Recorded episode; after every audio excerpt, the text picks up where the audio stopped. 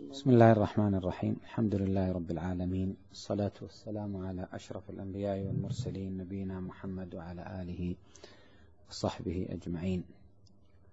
اليوم بمشيئة الله سنختم ما بقي من آه، كتاب الأصول من علم الأصول لفضيلة الشيخ العلامة محمد بن صالح بن عثيمين رحمه الله. وإذا كان عند أحد من الإخوة شيء من الأسئلة تتعلق بموضوع الكتاب فأرجو أن يبادر بها حتى يعني ندخر لها من الوقت ما تحتاجه. لأنني أيضا بعد هذا على يعني نية سفر بإذن الله.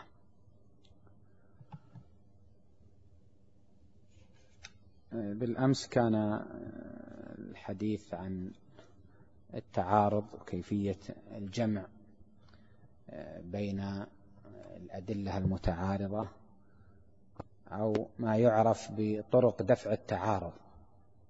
يعني عند العلماء آه، يقولون ما هي طرق دفع التعارض؟ لو طرحنا مثل هذا السؤال كيف يكون الجواب؟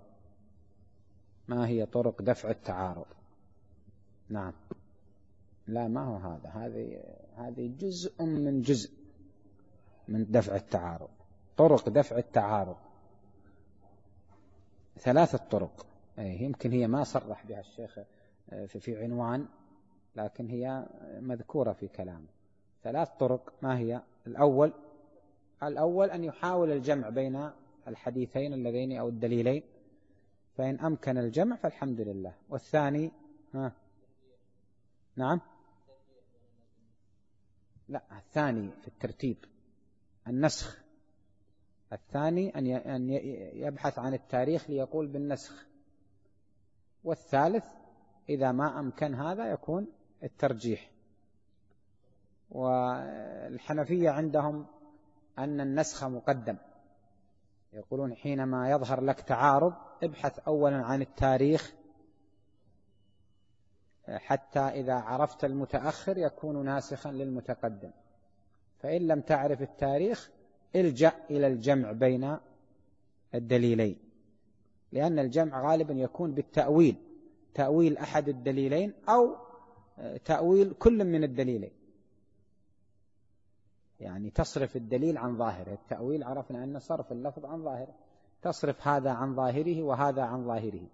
وقد تؤول واحد من الدليلين وتترك الآخر على ظاهره كما إذا تعارض العام والخاص. إذا تعارض العام والخاص أيهما الذي يبقى على ظاهره؟ اللي يبقى على ظاهره الخاص. والعام هو الذي يقال العام محمول على الخاص. ويحتاج أن تدقق في معنى قولهم محمول يعني يفهم. الحمل هنا معناها الفهم. يعني أنك تفهمه على أساس أنه خاص بما عدا الصورة التي ورد تخصيصها. هذا معنى حمل العام على الخاص. حمل العام على الخاص يعني أنك تفهمه وتبنيه وت... وت... يعني آه، تستفيد الأحكام منه على أنه ليس على عمومه وإنما هو مخرج منه المقدار الذي ورد تخصيصه. آه، كذلك تكلمنا في آه، ما تكلم يعني فيما قاله الشيخ عن آه، آداب المفتي والمستفتي. ووقفنا عند آه، مسألة أخيرة فيما يلزم المفتي. تفضل شيخ. بسم الله الرحمن الرحيم. الحمد لله رب العالمين وصلى الله وسلم وبارك على نبينا محمد وعلى آله وصحبه أجمعين. قال الشيخ محمد الصالح بن عثيمين رحمه الله تعالى وغفر له في كتابه الأصول من علم الأصول ما يلزم المستفتي الثالث أن يصف حالته وصفا صادقا دقيقا كقول السائل إنا نركب البحر ونحمل معنا القليل من الماء فإذا توضأنا به عطشنا أفنتوضأ بماء البحر الرابع أن ينتبه لما يقول وأيضا الصدق مطلوب فيه يعني الصدق مطلوب في السؤال لأن بعض السائلين إيه، كأنه يحاول أن يخادع المفتي ويصور له المسألة على غير حقيقتها. أنت يعني لست ملزما قضاء بقول المفتي وإنما أنت مطالب يعني شرعا من الله في الباطن. فأنت لو لم تأخذ بقول المفتي ما في أحد سيأخذ يقبض على يدك ويقول لا بد أن تأخذ به. فيعني لا تغير في, في, في الواقع وإنما تحكي للمفتي الواقع. ومن غير أيضا أن تحاول التوجيه ووضع الهالات حول السؤال. لأن بعضهم يحاول أن يوجه آه، ويضع بعض الأمور التي تدفع المفتي. إلى القول بالمنع أو إلى القول بالجواز. نعم. الرابع أن ينتبه لما يقوله المفتي بحيث لا ينصرف منه إلا وقد فهم الجواب تماما. نعم يعني الانتباه إليه هذا أيضا مطلوب. نعم. الاجتهاد. في مسألة في مسألة قبل أنا طبعا في نسختي ما في إلا ما يلزم المفتي أمران فقط. لكن في مسألة كنا وقفنا عندها قلنا ينبغي أن يختار أوثق المفتين. أي هذه المسألة هل يعني قال الشيخ ينبغي أن يختار أوثق المفتين علما وورعا؟ وقيل يجب ذلك. هذه من المسائل الخلافية. هل يجب على المستفتي أن يبحث عن الأعلم والأوثق والأورع؟ أو أنه إذا وجد عدد من المفتين في البلد هو مخير في سؤال من شاء. المسألة خلافية مثل ما أشار الشيخ ولكن الراجح آه، أنه لا يجب عليه ذلك وإنما يستحب له أن يفعل ذلك. أما الوجوب فلا يجب عليه بل يجوز له أن يسأل المفضول مع وجود الفاضل. إذا كان كل منهما أهلا لأن يستفتى. كل منهما عالم مجتهد أهل لأن يفتي فله أن يسأل من شاء منهما. والدليل على جواز ذلك آه، الإجماع في عهد الصحابة والتابعين أن العام كان يسأل المفضول مع وجود الفاضل فيجيبه. فكان السائلون يسألون ابن عباس مع وجود عمر وأبي بكر وعلي وهم من الفقهاء المشهورين. وهم أفضل من منه بلا خلاف. ومع هذا يفتيهم. فهذا دليل على أنه يجوز استفتاء المفضول مع وجود الأفضل منه. نعم. الاجتهاد لغة بذل الجهد لإدراك أمر شاق واصطلاحا بذل الجهد لإدراك حكم شرعي والمجتهد من بذل جهده لذلك. يعني التعريفات ما ينبغي أن نقف عندها طويلا. بذل الجهد لإدراك حكم شرعي بعضهم يعني يقيده بأن يكون هذا الحكم فرعيا وبعضهم يقيده بأن يكون ظنيا وبعضهم يقول يعني لا نص فيه. فكأنه يقول الاجتهاد هو بذل الجهد لإدراك حكم غير منصوص عليه. وكل هذه القيود لا تنضبط. لأنها أحيانا يكون فيه نص لكن فيه نصوص متعارضة. فيحتاج إلى اجتهاد في معرفة آه، ما هو الراجح منها أو كيفية الجمع بينها. نعم. شروط الاجتهاد للاجتهاد شروط منها اولا أن يعلم من الأدلة الشرعية ما يحتاج إليه في اجتهاده كآيات الأحكام وأحاديثها. يعني هذا شرط أول أو اولي لا بد أن يكون الفقيه محيطا بآيات الأحكام وأحاديث الأحكام. أحاديث الأحكام وآيات الأحكام كيف يمكن حصرها؟ تجد العلماء فيها يعني منهم من قال إن آيات الأحكام محصورة وأن عددها خمسمائة آية وأخذوا هذا من قول سليمان بن مقاتل بن سليمان وبعضهم أيضا تكلم في حصر الأحاديث فقال حوالي آه، ثلاثة آلاف حديث وبعضهم قال ألف وخمسمائة حديث وبعضهم زاد عن ذلك ونقص. وإذا دققت النظر تجد آيات القرآن كلها يمكن أن تستخدم منها تستفاد منها أحكام. وأكثر الأحاديث يمكن أن تستفاد منها أحكام. يعني أحكام في الأخلاق وأحكام في الآداب وأحكام يعني ليست لا يمكن أن تجد حديثا إلا ويمكن أن تستفيد منه عدة أحكام. قليلة جدا يمكن الأحاديث التي في القصص وما أشبهها. ومع هذا قال العلماء إن الأحاديث الواردة في قصص الأنبياء السابقين مع أممهم يستدل بها لأنها تبين شرع من كان قبلنا وشرع من قبلنا شرع لنا. ما لم يأتي شرعنا بنسخه. فتحديد هذه الآيات هو محل خلاف بين العلماء. ولكن آه، الذي يظهر أن المراد ليس كل الآية يمكن يستفاد منها وإنما الآيات التي تدل على الأحكام دلالة ظاهرة ومباشرة. والأحاديث التي تدل على الأحكام دلالة مباشرة وظاهرة هذه هي المطلوبة. ثم حينما يكون على الحكم الواحد عشرة أحاديث يكفيك واحدا منه يكفيك واحد من هذه العشرة. فالأحاديث كثيرة تجدها في موضوع واحد. بل قد يوجد أحاديث فيما وردت فيه نص من القرآن. فتستغني ببعض النصوص عن بعض فالمجتهد لا يلزمه أن يحيط بكل النصوص. من العلماء من شدد في هذا الجانب وقال لا بد أن يحفظ القرآن كاملا. لأن كل آيات القرآن يمكن أن تستنبط منها أحكام ويعرف معاني هذه الآيات.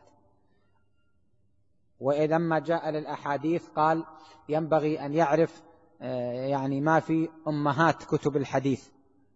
كالكتب الستة مثلا ينبغي أن يحيط بها. الشوكاني قال ما يكفي أيضا هذا. لابد أن يكون له اطلاع يعرف كل ما في الكتب الستة ويعرف أيضا ما في المسانيد. ولا يكون له إشراف على ما عداها. يعني له نوع اطلاع على ما عداها. فهم يعني بين مشدد ومخفف. والقول الوسط في هذا أنه ينبغي أن يعرف آيات الأحكام يعني الآيات التي تدل على الأحكام مباشرة. أما التي لا تدل عليه إلا بطريق الالتزام أو بطريق المفهوم فلا لا يلزمه ذلك. كذلك الأحاديث. آه، هناك من قال يكفيه أن يكون عنده كتاب من الكتب من كتب الأحاديث المبوبة التي يعني بوبت على أبواب الفقه. قال مثل سنن أبي داود. يعني الغزالي يقول يكفيه أن يكون عنده سنن أبي داود يرجع إليها. فإذا لم يجد آه، لهذا الموضوع ذكرا في, في هذا الكتاب فإنه يمكن أن يجتهد فيه بقياس أو ما أشبه ذلك. ولكن الأكثر يقولون لا لا يكفي هذا لأن سنن أبي داود لم تشتمل على كل أحاديث الأحكام. آه، فالقدر الواجب هو الأحاديث الدالة على الأحكام آه، دلالة مباشرة وظاهرة. نعم. الثاني أن يعرف ما يتعلق بصحة الحديث وضعفه.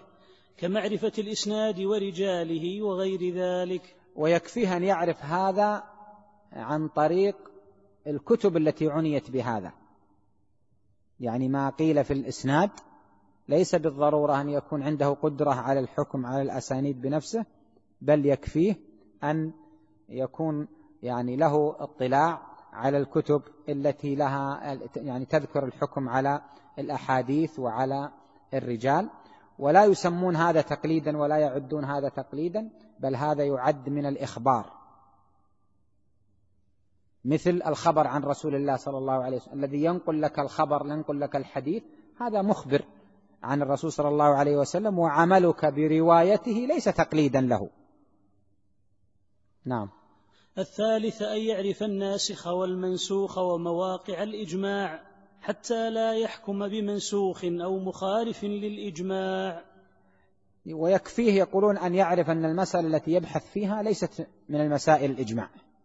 إذا عرف أن المسألة محل الاجتهاد ومحل النظر ليست من مسائل الإجماع يكفيه هذا. يعني لا يلزمه أن يعرف كل مواطن الإجماع التي أجمع عليها العلماء وإنما يكفيه أن يعرف أن المسألة التي يبحث فيها ليست من مسائل الإجماع. بالنسبة للناسخ والمنسوخ يكفيه أيضا أن يعرف أن الحديث الذي يستدل به ليس منسوخا. أما الإحاطة بمسائل الإجماع كلها أو الإحاطة بكل ما هو منسوخ ومعرفته فقالوا هذا لا يلزم إلا المجتهد المطلق. أما المجتهد الذي يريد أن يجتهد في مسألة واحدة أو في باب واحد فيكفيه أن يعرف أن دليله غير منسوخ وأن المسألة ليست من مسائل الإجماع. الرابع أن يعرف من الأدلة ما يختلف به الحكم من تخصيص أو تقييد أو نحوه حتى لا يحكم بما يخالف ذلك. نعم. الخامس هذا يدخل في الخامس. يعني هذا يدخل في الخامس لأنه جزء من من علم أصول الفقه. نعم. الخامس أن يعرف من اللغة وأصول الفقه ما يتعلق بدلالات الألفاظ كالعام والخاص والمطلق والمقيد والمجمل والمبين ونحو ذلك ليحكم بما تقتضيه تلك الدلالات. هذا شرط مهم للاستنباط لابد أن يكون محيطا بقواعد أصول الفقه العملية. القواعد العامة في أصول الفقه لابد أن يكون محيطا بها وعارفا بترتيب الأدلة ما الذي يقدم منها وما الذي يؤخر. نعم. السادس أن يكون عنده قدرة يتمكن بها من استنباط الأحكام من أدلتها والاجتهاد. يعني قدرة ذهنية قدرة عقلية وقدرة ذهنية على الاستنباط ويسميه بعضهم يقول يشترط أن يكون فقيه النفس. يعني يعبر بعضهم عن هذا بفقه النفس. يعني يكون عنده فقه وفهم دقيق للقدرة على الجمع بين ما ظاهره التعارض القدرة على يعني معرفة علل الأحكام. نعم. والاجتهاد قد يتجزأ فيكون في باب واحد من أبواب العلم أو في مسألة من مسائله. نعم هذا هو رأي الجمهور أن الاجتهاد يتجزأ بمعنى أنه يمكن أن يكون الإنسان مجتهدا في مسألة أو في باب من أبواب الفقه وهو لا يحيط بأدلة الباب الآخر.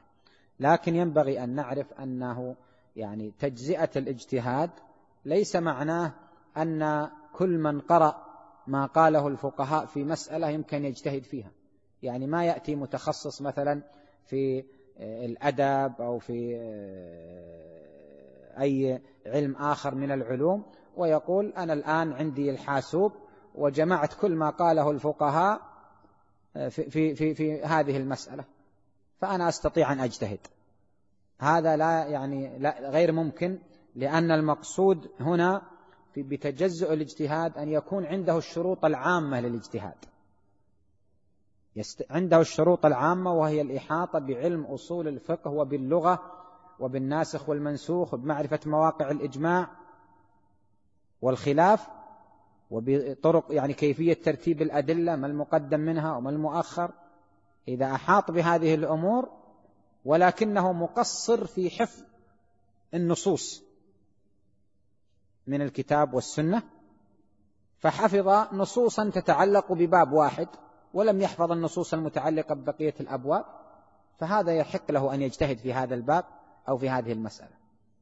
أما يعني إذا لم يكن عنده الشروط العامة للاجتهاد والاستعداد العام للاجتهاد فإنه لا يحق له أن يجتهد بمجرد أن يقرأ ما قاله أهل العلم فيها. يعني لا ي... يعني إذا كان ليس عنده الأساس الذي يبني عليه. نعم. ما يلزم المجتهد؟ الإمام الشافعي طبعا نقل عنه أنه يرى أنه لا يتجزأ ونقل عن أبي حنيفة أن الاجتهاد لا يمكن يتجزأ واختار هذا الشوكاني وقال الاجتهاد لا يمكن يتجزأ لأن مسائل الفقه مربوط بعضها ببعض والمسألة قد تكون في باب ومدركها أو دليلها في باب آخر. والقول زعم أنه أحاط بأدلة هذا الباب غير صحيح إذا لم يحط بقية الأدلة. وهناك من يعني اختار أنه يمكن أن يتجزأ في المسائل التي ليست من النوازل الجديدة. أما مسائل النوازل فإنه الاجتهاد فيها لا يتجزأ وهذا هو الذي يظهر رجحانه. نعم. يلزم المجتهد أن يبذل جهده في معرفة الحق ثم يحكم بما ظهر له فإن أصاب فله أجران أجر على اجتهاده وأجر على إصابة الحق لأن في إصابة الحق إظهارا له وعملا به. وإن أخطأ فله أجر واحد والخطأ مغفور له. لقوله صلى الله عليه وسلم إذا حكم الحاكم فاجتهد ثم أصاب فله أجران وإذا حكم فاجتهد ثم أخطأ فله أجر. وإن لم يظهر له الحكم وجب عليه التوقف وجاز التقليد حينئذ للضرورة. آه، في هذا الفصل أو هذا المبحث يعني يتبين أن آه، الإنسان لكي يسلم من تبعة الخطأ لابد أن يكون مجتهدا ولابد أن يبذل قصارى جهده في الوصول إلى الحق. فإذا اختل أحد هذين الشرطين فإنه قد يلحقه الإثم. فالذي حصل شروط الاجتهاد السابقة ثم بذل جهده في الوصول إلى الحق فهذا الذي يقال عنه إن أصاب فله أجران وإن أخطأ فله أجر. أما الذي تطفل وأفتى بغير علم وهو ليس من أهل هذا العلم ولم يحصل شروط الاجتهاد أو أنه عنده شروط الاجتهاد ولكنه استعجل وتساهل وأفتى مباشرة من غير تأمل ولا تروي فهذا إذا أخطأ يؤاخذ. قال إن لم يظهر له الحكم يتوقف. وهذا هو آه، الرأي الراجح آه، أنه يتوقف. ولكن هل له أن يسأل غيره؟ آه، مثل ما قال الشيخ صحيح أنه له ذلك لكن بقيد بشرط أن يعني يأتي وقت العمل. يعني يضيق الوقت عن البحث. فإذا ضاق عليه الوقت ولم يبق إلا أن يفوت عليه العمل أو يقلد فإنه يقلد. وهذا يحصل للإنسان أحيانا يعني وإن كان مجتهدا قد في أثناء صلاته تعرض له نائبة لم يبحثها ولم يسبق أن يعني اطلع على أدلتها ولكنه يعرف مذهب أحمد فيها مثلا يعرف مذهب فلان من الفقهاء فيها فإنه يأخذ به ولا يقول يعني آه، أتوقف حتى أبحث. وما يعني آه، اختاره ابن قدامة ابن قدامة يقول لا يجوز له أن يعمل أبدا. يجب عليه التوقف ولا يعمل حتى ينظر ويبحث. والغريب أنه يعني حتى مع ضيق الوقت يقول حتى لو ضاق الوقت عليه. لكن هذا القول هو الصحيح وهو آه، الراجح أنه إذا ضاق عليه الوقت ولم يكن معه سعة للبحث فإنه له أن يقلد. أما إذا كان عنده سعة في الوقت فيجب عليه أن يبحث ليصل إلى الحكم بنفسه ولا يقلد غيره. فلا يجوز للمجتهد أن يقلد غيره لأن التقليد جاز للعامي الذي لا يعلم. فالله تعالى يقول فاسألوا أهل الذكر إن كنتم لا تعلمون. أما إن كنت تعلم أو كنت قادرا على أن تعلم فإنه يجب عليك أن تبذل جهدك للعلم. نعم. التقليد التقليد, التقليد لغة وضع الشيء في العنق محيطا به كالقلادة واصطلاحا اتباع من ليس قوله حجة.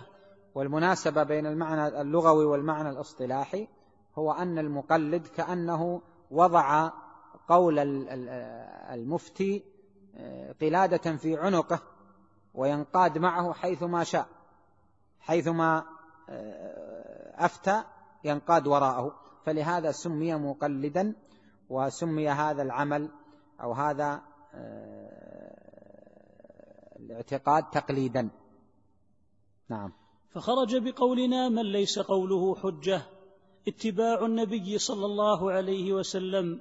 واتباع أهل الإجماع واتباع الصحابي إذا قلنا أن قوله حجة فلا يسمى اتباع شيء من ذلك تقليدا لأنه اتباع للحجة لكن قد يسمى تقليدا على وجه المجاز والتوسع.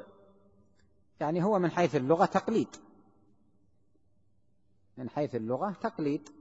ولكنه من حيث الشرع يعتبر أو من حيث المعنى الاصطلاحي للتقليد هو آه، مجاز. نعم. مواضع التقليد. يكون التقليد في موضعين. الأول أن يكون المقلد عاميا لا يستطيع معرفة الحكم بنفسه ففرضه التقليد. لقوله تعالى فاسألوا أهل الذكر إن كنتم لا تعلمون ويقلد أفضل من يجده علما وورعا. فإن تساوى عنده اثنان خير بينهما. الثاني أن يقع للمجتهد حادثة تقتضي الفورية ولا يتمكن من النظر فيها فيجوز له التقليد حينئذ. واشترط بعضهم لجواز التقليد ألا تكون المسألة من أصول الدين التي يجب اعتقادها لأن العقائد يجب الجزم فيها والتقليد إنما يفيد الظن فقط. والراجح أن ذلك ليس بشرط لعموم قوله تعالى فاسألوا أهل الذكر إن كنتم لا تعلمون والآية في سياق إثبات الرسالة وهو من أصول الدين ولأن العامي لا يتمكن من معرفة الحق بأدلته فإذا تعذر عليه معرفة الحق بنفسه لم يبق إلا التقليد لقوله تعالى فاتقوا الله ما استطعتم آه، هنا يتكلم عن مواضع التقليد فذكر أن التقليد يقع آه، لأحد شخصين إما عامي لا يستطيع معرفة الحكم بنفسه فهذا فرضه التقليد ويدخل في هذا المبتدئ في طلب العلم الذي لا يدرك آه، معاني الأدلة ولا يستطيع المفاضلة بينها والترجيح بينها فهذا واجبه أن يقلد. قال ويقلد أفضل من يجده علما وورعا هذا تكلمنا عنه أنه لا يجب عليه أن يقلد الأفضل ولكن يسن له أو يستحب له أن يبحث عن الأفضل ليقلده. آه، ويقول إن تساوى عنده اثنان خير بينهما نقول هو مخير بينهما يعني على رأي جماهير العلماء أنه مخير حتى وإن لم يتساويا. هذا في الابتداء في ابتداء السؤال. يعني أول ما يسأل من حقه أن يسأل المفضول وإن كان الفاضل موجودا. لكن الأولى له أن يبحث عن الفاضل أو الأفضل. يأتي في حالة ثانية لو سأل أكثر من واحد. سأل المفضول فقال له يجوز. فكأن في نفسه شيئا فسأل الفاضل فقال لا يجوز. بمن يعمل؟ نقول حينئذ لا ليس لك أن تتخير. بعد سؤالك أكثر من واحد شددت على نفسك فيجب أن تكون أهلا للاختيار فتختار. إذا كنت قادرا على الاختيار وكنت من أهل يعني العلم الذين لهم القدرة على الاختيار فعليك أن تختار بناء على رجحان الدليل. وإذا عجزت عن معرفة آه، الدليل الأرجح فعليك أن تبحث في المفتين أيهما أعلم. إن عرفت أن هذا أعلم من ذاك فخذ بفتوى الأعلم. لو تساووا عندك المفتيان وأحدهما خالف الآخر في الفتوى فيجب عليك أن تبحث عن مرجح آخر وأن تسأل ثالثا. هذا هو آه، الصواب والأصح إن شاء الله والأحوط للإنسان وأن لا يتخير. يعني لا يسأل أكثر من مفتي ثم يتخير من بين فتاواه. هو له الخيار ابتداء. الذي سيسأل ويعمل له الخيار. ولا بد أن نفرق بين المسألتين. مسألة الابتداء هذه مجمع عليها. أنه في الابتداء له أن يسأل المفضول مع وجود الفاضل. لكن حينما يتكرر منه السؤال فيجد منهما اختلافا في الفتوى نقول الآن يجب عليك أن ترجح بينهما. إن كنت من أهل العلم القادرين على الترجيح بين الأدلة فهذا أولى. انظر في دليل هذا ودليل هذا واعرف الراجح. وهذا يستطيعه كثير من أهل العلم. وكثير من طلاب العلم الذين لهم يعني معرفة بأصول الفقه وبطرق الترجيح لهم قدرة على المفاضلة. وإن لم تستطع هذا ففاضل بين العالمين. ابحث عن الأفضل من العالمين علما وورعا وقلده. أما أن تقول أنا يعني فلان قال حرام وفلان قال يجوز وأنا سأقلد فلانا ولو كان فلان أقل علما نقول هذا ما يجوز. أنت تعرف لماذا؟ لأن حال المقلد مع المجتهدين مثل حال المجتهد مع الأدلة. المجتهد عندما تتعارض له الأدلة في الظاهر لا يجوز له أن يهجم على واحد منها ويقول اخترت هذا ليكون هو عليه العمل. وإنما نقول يجب عليك أن تنظر لترجح بين الأدلة. كذلك العامي عندما يتعارض قول عالمين عنده يجب عليه أن يرجح بين العالمين يبحث عن الأعلم منهما ويسأل أهل الخبرة ليأخذ بقول الأعلم منهما. فإن لم يتبين له حينئذ نقول ينبغي أن يسأل ثالثا ليكون الترجيح بالكثرة لأن كثرة العدد من المرجحات. كثرة العدد من المرجحات. فهذا هو الذي يعني تستقيم عليه الأدلة. الحالة الثانية التي يقع فيها التقليد أن يقع من المجتهد وهذا تكرار لما قاله سابقا من أن المجتهد له حق التقليد حينما يعني آه، تعرض له مسألة فيضيق الوقت عن البحث والنظر. يضيق وقته عن البحث والنظر ولكن يعرف فيها رأي عالم فله أن يقلده. وهذا هو الراجح أنه إذا ضاق الوقت جاز للمجتهد أن يقلد. أما إذا كان معه سعة وقت فليس له أن يقلد. والدليل على هذا أن قوله تعالى فاسألوا أهل الذكر إن كنتم لا تعلمون. وهو في هذه الحالة لا يعلم الحكم بدليله. والعلم إنما هو معرفة الحكم بدليله. أما معرفة أن فلانا أفتى بكذا هذا ليس علما هذا تقليد. هذا تقليد وليس بعلم. معرفة أن هذه فتوى الشيخ فلان من غير معرفة الدليل ومن غير معرفة صحة الدليل هذا تقليد ولا التقليد ليس علما. أيضا يعني أشار إلى هنا إلى مسألة وهي قال إن بعضهم اشترط لجواز العمل بالتقليد أن تكون المسألة ليست من مسائل أصول الدين يعني ليست من مسائل الاعتقاد. واختار الشيخ أنه يمكن التقليد حتى في مسائل الاعتقاد. والذي عليه جماهير العلماء أن مسائل الاعتقاد أيضا قسمان ليست كلها مسائل أصول. مسائل الاعتقاد منها ما يدخل في الفروع وأن مسائل الاعتقاد التي هي الإيمان بالله وبرسالة الرسول صلى الله عليه وسلم وباستحقاق الله للعبادة هذه لا يكفي فيها التقليد. لا يكفي فيها التقليد بل على الإنسان أن يبحث عن الأدلة العقلية والنقلية التي تثبت الإيمان في قلبه ولا تجعله يتزعزع لأدنى شبهة.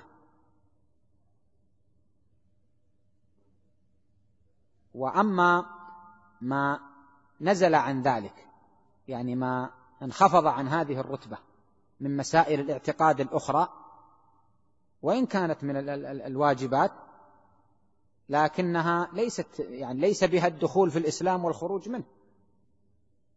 فهذه المسائل يجوز أن يقلد فيها.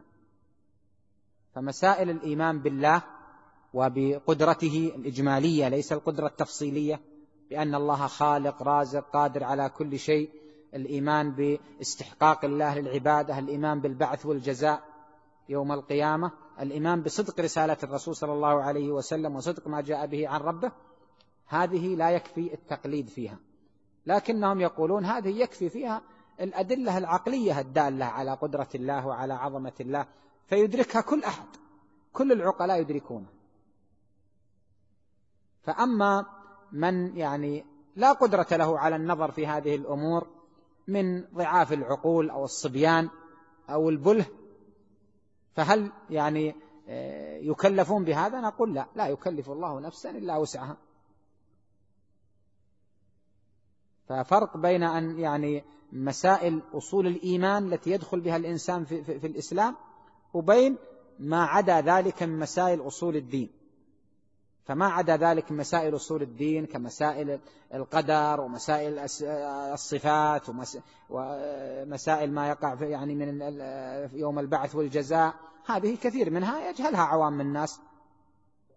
فيكفي فيها أن يقلد. نعم. أنواع التقليد. التقليد نوعان عام وخاص.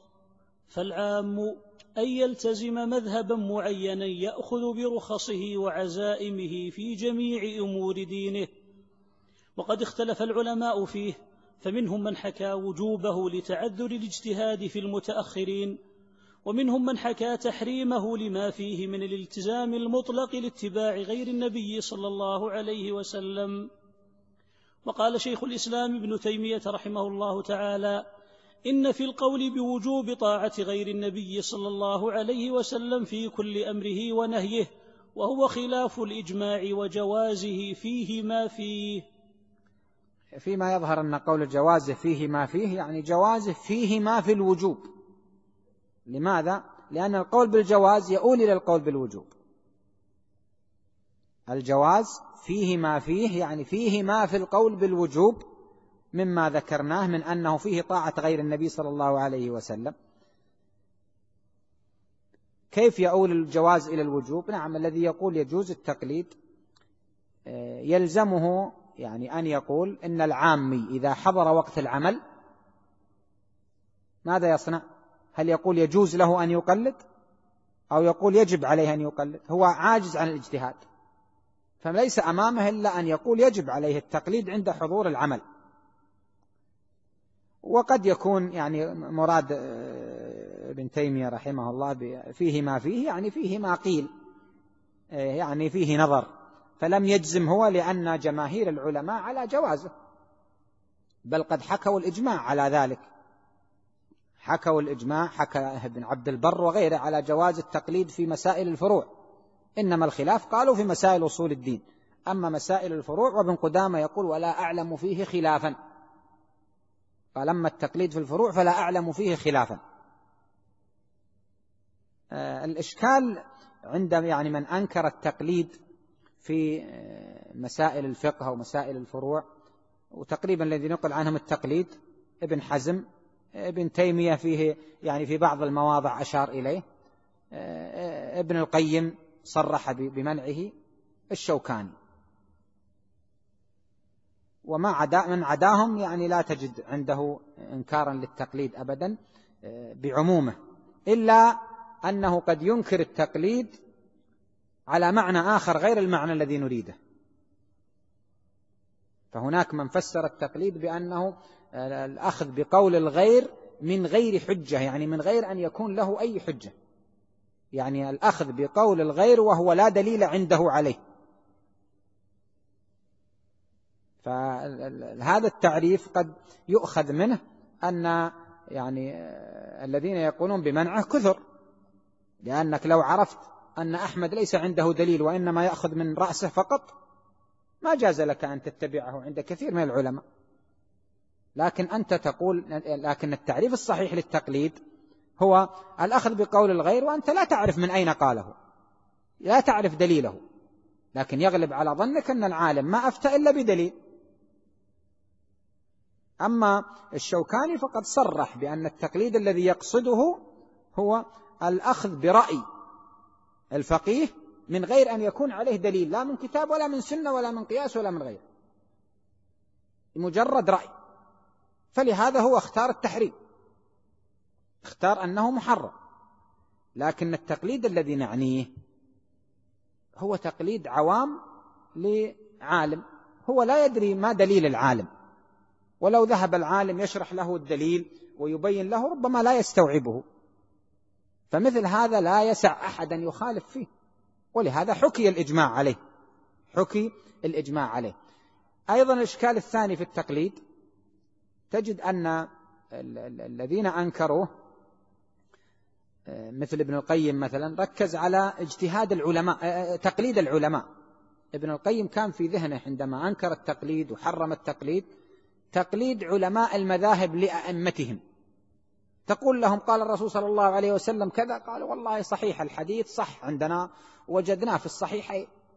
لكن إمامنا يقول كذا لا نستطيع أن نخرج عنه. فما دام إمامنا أفتى بكذا هو لابد أن يكون عنده تأويل نحن لا نعرفه. يعني من الإفراط في تعظيم الإمام إلى درجة أنه يقول لا يمكن أن يخالف حديثا أو نصا صحيحا إلا وعنده تأويل صحيح وعنده حديث آخر يمكن ما أبداه لنا.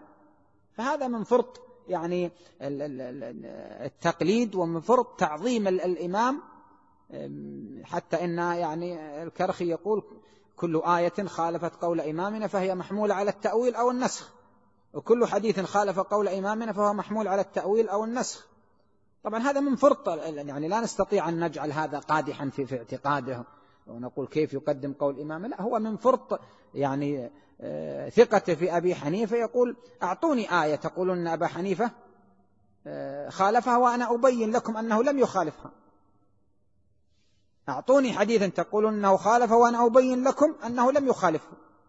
وإنما في فهمكم أنتم وفي ظنكم أنه خالفه ولم يخالفه والإشكال الثاني الذي دفع بعض العلماء إلى إنكار التقليد هو آه، تقليد آه، المذاهب. يعني الالتزام بمذهب معين. الالتزام بمذهب معين بحيث لا يحيد عنه. والشيخ هنا قصر الكلام على هذا وقال التقليد العام يعني هو أن يلتزم الإنسان مذهبا واحدا لا يحيد عنه. ومشكلة أنه لا يحيد عنه حتى لو عرف الحق في خلافه. سيقول وما يدريني أنا ما يدريني أن هذا هو الحق أن هذا الدليل غير منسوخ أن هذا الدليل غير معارض. فلا يستطيع أن يعني يحيد عن هذا المذهب. فهذا أيضا وقع خلاف فأنكره يعني بعض المتقدمين وأنكره الشيخ الشنقيطي في كتاب له اسمه القول السديد. أنكر جواز هذا وقال هذا غير موجود ما كان موجودا. وهذا شيخ الإسلام يشير أيضا أو يعرض به ويقول هذا التزام آه، طاعة آه، شخص غير النبي صلى الله عليه وسلم. وهذه يعني في كل أمره ونهي هذا ما يجوز. أن تلتزم بقول عالم أو شخص غير النبي عليه الصلاة والسلام. والجمهور الذين أجازوا التقليد العام والخاص يقولون ألستم تجيزون معنا تقليد العام لهذا العالم المعين في بعض المسائل؟ هذا ما ينكر أحد. يقولون بلى ما هو واجب العام عندكم إذا حضرت النص قالوا يسأل أهل العلم فاسألوا أهل الذكر إن كنتم طيب. ليس هذا تقليدا؟ قالوا بلى هذا تقليد. قال طيب ما الذي يمنع من أنني ألتزم بعالم واحد لا أسأل إلا هو؟ ما دمت حيا وهذا العالم في بلدي وقريب مني وأثق في علمه ودينه وأمانته. ما الذي يمنعني أن لا أسأل إلا هو؟ ما في دليل يمنعني من هذا. أما القول بأنه لم يكن موجودا لم يكن موجودا فعدم وجوده أولا ما في دليل يمكن أن يقام على العدم. لا يستطيع أحد إقامة الدليل على العدم ولا يمتنع أن يوجد يعني لا يجزم أحد بأنه لا يوجد أحد من عوام الصحابة كان يلتزم مثلا أنه لا يسل ابن عباس. هل تستطيع أن تجزم أنه لا يوجد عامي في عهد الصحابة والتابعين ملتزم بسؤال ابن عباس مثلا أو ابن مسعود أو لا يسأل إلا عمر؟ قد يكون فيه. ما تستطيع الجزم بأن ما يوجد لأن الشهادة على النفي صعبة والحكم على النفي لا يستطيع أحد أن يفعل هذا. هذا جانب. الجانب الثاني أن عدم وجوده ليس معناه التحريم. يعني في عهد الصحابة والتابعين وأتباع التابعين كان العامي ينزل إلى البلد ويسأل منه علماء البلد قالوا العالم الفلاني فيسأله فيأخذ بفتواه ثم إذا خرج من العراق إلى مصر قال من هو العالم الموجود؟ قالوا فلان سأله وأخذ بفتوى. ما لا يمتنع أن أهل مثلا بغداد كانوا لا يسألون إلا آه، من كان عندهم مثلا. ما الذي يمنع من هذا؟ يعني لا فرق بين ما دام أجزت له التقليد في بعض المسائل لا دليل على وجوب التنقل. يعني الذي يمنع التقليد الشخص في كل مسائل الفقه آه، كأنه يقول يجب عليك أن تتنقل بين المفتين وهذا أيضا لا دليل عليه. فالذي يظهر جواز التقليد لكن المحذور الذي يريدون السلامة منه وهو التعصب ينبغي التحرز عنه لأن كثيرا من المقلدة يتعصب لإمام مذهبه ولأنه لا يعرف إلا هذا المذهب. فمن تفقه على مذهب إذا رأى غيره يعني اشمأز ورأى أنه قد انتهكت حرمة الدين بينما لو اطلع على كتب المذهب الآخر واطلع على أدلتهم ربما يراجع نفسه ويقول والله الحق هنا في هذا. يعني التأثر بالمدرسة التي تعلم الإنسان عليها وتفقع عليها هذا موجود حتى في العلماء. يعني العالم لما يتفقع على مسألة على على مذهب تجده يشمئز من المذهب المخالف. لأنه لا يجد في مذهبه إلا هذه الأدلة وكل النواحي مكرسة لتأييد هذا الرأي. وأي رأي غير هذا يوصف بالضعف وربما إذا استدلوا لهذا القول المخالف ذكروا أضعف أدلته وهذا مشهور في كثير من كتب الخلاف أنما أحيانا ما يذكر الدليل القوي. الآن المسائل الخلافية بيننا وبين الحنفية لما تعود إلى كتب الحنفية أنفسهم تجد فيها أدلة غير الأدلة التي نجدها مثلا في في في, في آه، كتب الحنابلة مثلا. تجد أدلة أقوى منها. غير غير هذه الأدلة. فيعني القصد أن التأثر تأثر العالم أو طالب العلم أو العامي بعلماء مذهبه هذا حاصل. على أي حال التقليد جائز لكن ينبغي أن يؤدي إلى التعصب وينبغي أن يكون يعني آه، التقليد محصورا للعوام ومن في حكمهم. أما طلاب العلم الذين يستطيعون التمييز بين الصحيح والضعيف ويستطيعون آه، الترجيح بين الأدلة فيجب عليهم أن يرجحوا. ولهذا قيل أن هناك ثلاث مراتب ليست مرتبة واحدة. يعني المشهور في كتب الأصول أن أن الناس على مرتبتين إما مجتهد أو مقلد. والصواب أن هناك مرتبة ثالثة هي مرتبة الاتباع بين التقليد وبين وبين يعني لا تقليد ولا اجتهاد. لا تقليد ولا اجتهاد. وإنما هو بحث عن الدليل وعن النص واتباع للنص لما يعرف أنه لا قد لم يقدح فيه أحد. نعم.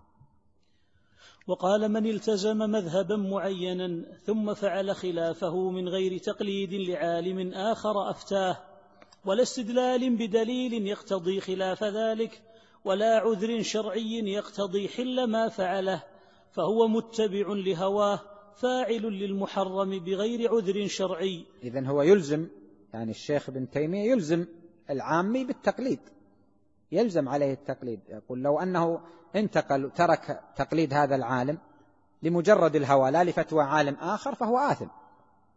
نعم. وهذا منكر. وأما إذا تبين له ما يوجب رجحان قول على قول إما بالأدلة المفصلة إن كان يعرفها ويفهمها. وإما بأن يرى أحد الرجلين أعلم بتلك المسألة من الآخر وهو أتقى لله فيما يقوله فيرجع عن قول إلى قول لمثل هذا فهذا يجوز بل يجب وقد نص الإمام أحمد على ذلك. نعم هذا للرد على من قال يجب الالتزام بمذهب معين. يعني هناك من العلماء من قال يجب على العام أن يلتزم مذهبا واحدا لا يحيد عنه. حتى لو تبين له رجحان غيره لا يحيد عنه. وهذا غير صحيح. يعني الوجوب غير الجواز. يعني أصل الجواز آه، يعني أدلته التي ذكرناها آه، سابقا. ما دام أنه جاز له أن يقلد في بعض المسائل هذا العالم جاز له أن يقلده فيما عدا من المسائل. لكن يعني آه، لا يجب عليه الالتزام بمذهب معين لأن الإيجاب هو الذي يقع فيه ترك الأدلة.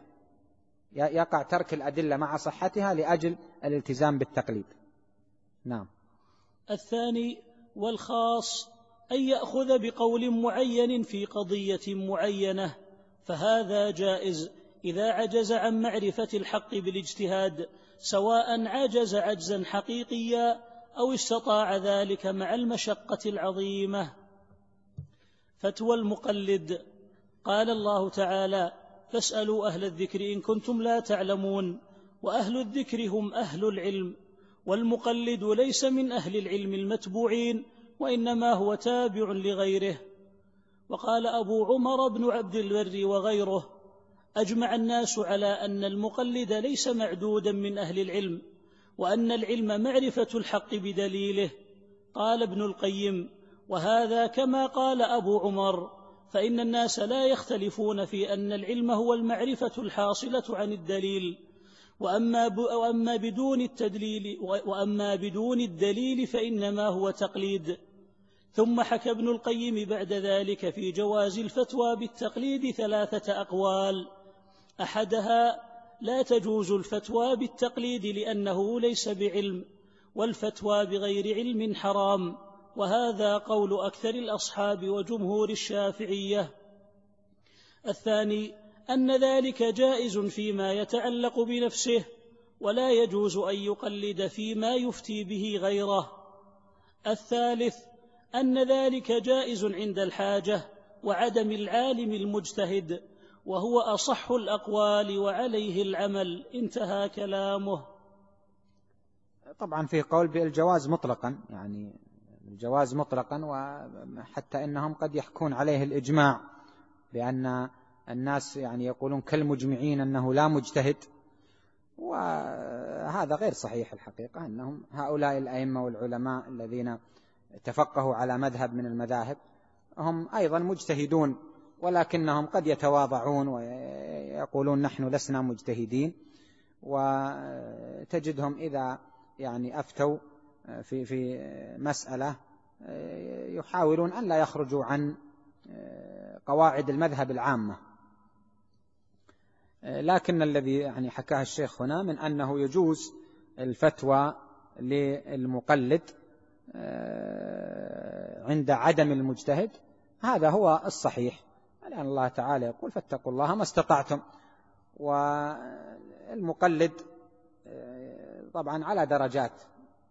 قد يكون من من طلاب العلم الذين يعني يعرفون شيئا من طرق آه، الأحاديث وطريقة الحكم عليها ويعرفون أصول الفقه ويعرفون المذاهب الأخرى آه، ويكون فتواه بناء على يعني اختيار اختيار لمذهب إمامه. فلا يجوز له أن يفتي به وهو يعتقد أنه مرجوح. ما يجوز أن يفتي بما يعتقد أنه مرجوح. وإنما يفتي به إذا اعتقد أنه راجح. وأما نقل الفتوى فهذا أيضا أشرنا إليه بالأمس أظن وقلنا إنه يجوز للإنسان أن ينقل فتوى العالم بشرط أن يكون قادرا على ضبطها ومعرفة كل ما تتأثر يتأثر به الحكم من العناصر المذكورة في السؤال أو من الحيثيات المذكورة في السؤال. الكتاب تم والحمد لله. بقي شيء فيه ولا؟ لا تسطر طيب اقرأ. حسن عليك وبه يتم ما أردنا كتابته في هذه المذكرة الوجيزة. نسأل الله أن يلهمنا, أن يلهمنا الرشد في القول والعمل وأن يكلل أعمالنا بالنجاح. إنه جواد كريم. وصلى الله وسلم على نبينا محمد وآله. آه، هذا يعني سؤال يقول من من بحث في أقوال الأئمة في الرجال جرحا وتعديلا أليس مقلدا؟ وهل يسعه أن يخرج عن أقوالهم؟ يعني ما أدري ماذا يقصد. هل هو يقصد أنه آه، يكون مقلدا فيما يعرفه من حال الرجال؟ يقولون إن هذا من باب الخبر. إذا كان هذا مقصوده فهذا اعتذر عنه الشوكاني وقال إن الذين يقولون إن باب الاجتهاد أغلق ويستدلون على هذا بأنه لا يوجد أحد اليوم يعرف صحة الأحاديث إلا تقليدا للمتقدمين رد عليهم وقال ما نعرفه نحن من صحة الأحاديث ومن أحوال الرجال هذا لا يجعلنا مقلدين لأننا نأخذ ما يذكرونه على أنه خبر من ثقة والخبر من الثقة يجب قبوله فنحن لا نقبله على أننا مقلدون. فإذا كان هذا مقصوده يقول هل يسعه أن يخرج عن أقوالهم؟ هل يقصد أقوالهم يعني في, في, في, في, علماء في, في السند يعني؟ هو لا يخرج عن أقوالهم في السند لكنه قد يوازن بينها قد يقدم قول واحد منهم على القول الآخر بقرائن يعني هذا جرح الراوي وذاك عدله. قد يأخذ بقول آه، من قال بالتجريح وقد يأخذ بقول من قال بالتعديل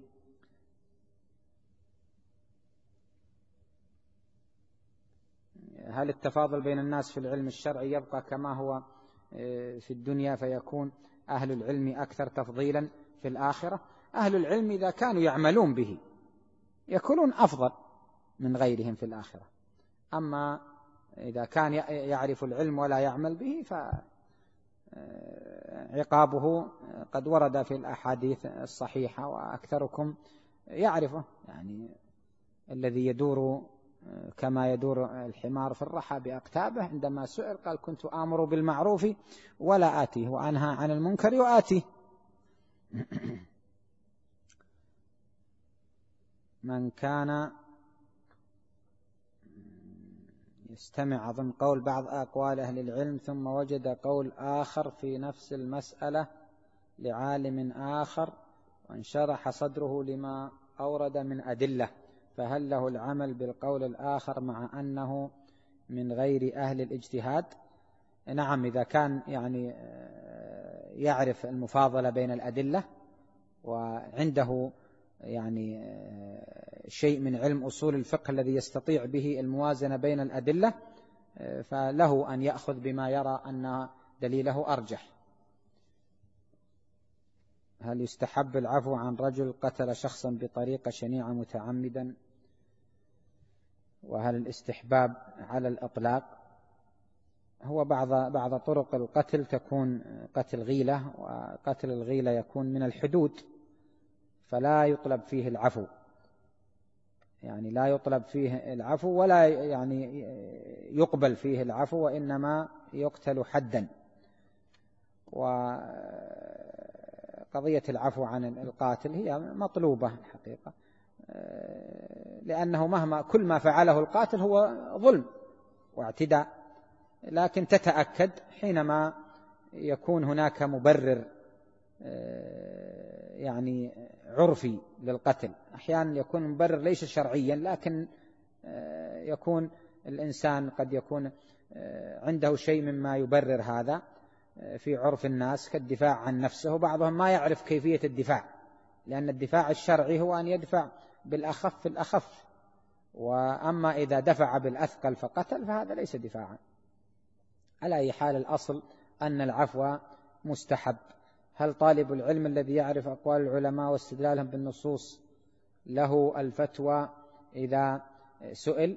إذا سئل عن مسألة قد بحثها واطلع على أقوال أهل العلم فيها وكان قد وازن بينها وعرف الراجح منها بدليله له أن آه، يبين آه، الحكم الراجح والأولى أن يكون ناقلا آه، عن العالم الذي رجح قوله.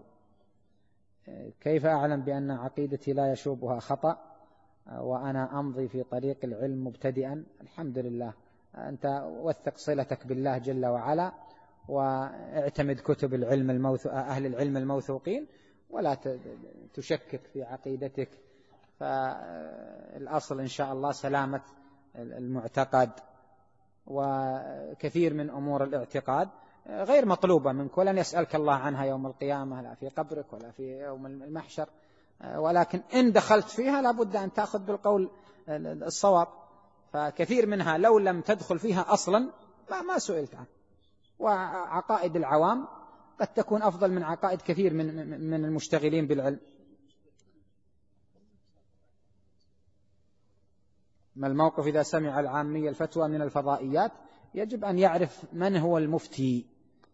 وما مدى علمه وورعه هل هو من أهل العلم هل هو عدل؟ ونحن ذكرنا شرطين لا بد منهما. أن يعرف أنه عالم أهل للاجتهاد والفتوى وأن يعرف أنه عدل ثقة آه، في الظاهر. ويكفيه بالنسبة للعدالة يكفيه ظاهر الحال. يعني أنه لم يشتهر عنه فسق. هذا معناه. يعني قد نكون نعبر بتعبيرات ما ما يدركها بعض الأخوان. المقصود العدالة في الظاهر أنه لم يعرف بفسق. ما العمل إذا أراد الترجيح بين مجتهدين بسؤال ثالث من أجل الترجيح بالكثرة؟ فخالف الثالث قول المجتهدين بين السابقين فأصبح عنده يبحث حتى يجد واحد يوافق واحد يا أخي. يعني تفرض أن المسألة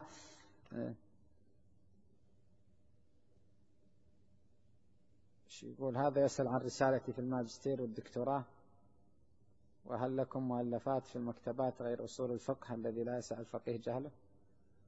آه، رسالتي في الماجستير كانت في دلالة العام وأثر الخلاف فيها والدكتوراه كانت في دراسة وتحقيق الجزء الأول من شرح المحصول للقرافي والكتب يعني فيها أربعة كتب تقريبا موجودة في المكتبات أو خمسة. رجلان مقلدان كل يقلد عالما مختلفا. هل يتساويان في الأجر والمرتبة؟ إذا كان أحدهما يقلد عالم اختيارات سهلة وهو يعتقد أنه يعني يدين الله بذلك. يعني فكيف يستوي في الآخرة مع من أخذ بالأشد في الدنيا؟ لا شك أن من اتبع الأحوط يكون أسلم له. اتباع الأحوط فيه سلامة للإنسان في دينه. هو أسلم اتباع يعني الأخذ بالأحوط. لا شك أنه أسلم للإنسان. حتى وإن كان يرى أن الأرجح الجواز مثلا فترك. الحمد لله يعني ترك الشيء تعففا وخوفا من أن يكون محرما. هذا من الوراء. ما العمل إذا صحح بعض العلماء؟ الحديث وضعفه الآخرون. بأي الآراء نأخذ وكيف نرجح بين الرأيين. بالنسبة للإنسان العامي يعني آه، لا أظن له قدرة على يعني آه، المفاضلة بين تصحيح وتضعيف. آه، وإنما يأخذ بقول العالم الذي يرى أنه أوثق. يرى أنه أوثق. فإذا مثلا وجد الذهبي مثلا ذكر رجال هذا الإسناد و أثنى عليهم مثلا وعدلهم آه، أو ابن حجر أو يعني العلماء الكبار يأخذ به. وقضية أنه يعني كيف يأخذ كيف نرجح بين الرأيين هو عليه أن يسأل أهل العلم. إذا لم يستطع إذا لم تكن له قدرة على معرفة الأسانيد ومعرفة علل الحديث فعليه أن يسأل أهل العلم عن حكم الفقه. نكتفي بهذا القدر وصلى الله وسلم على نبينا محمد آله وصحبه أجمعين. السلام عليكم ورحمة الله وبركاته. بارك الله فيكم.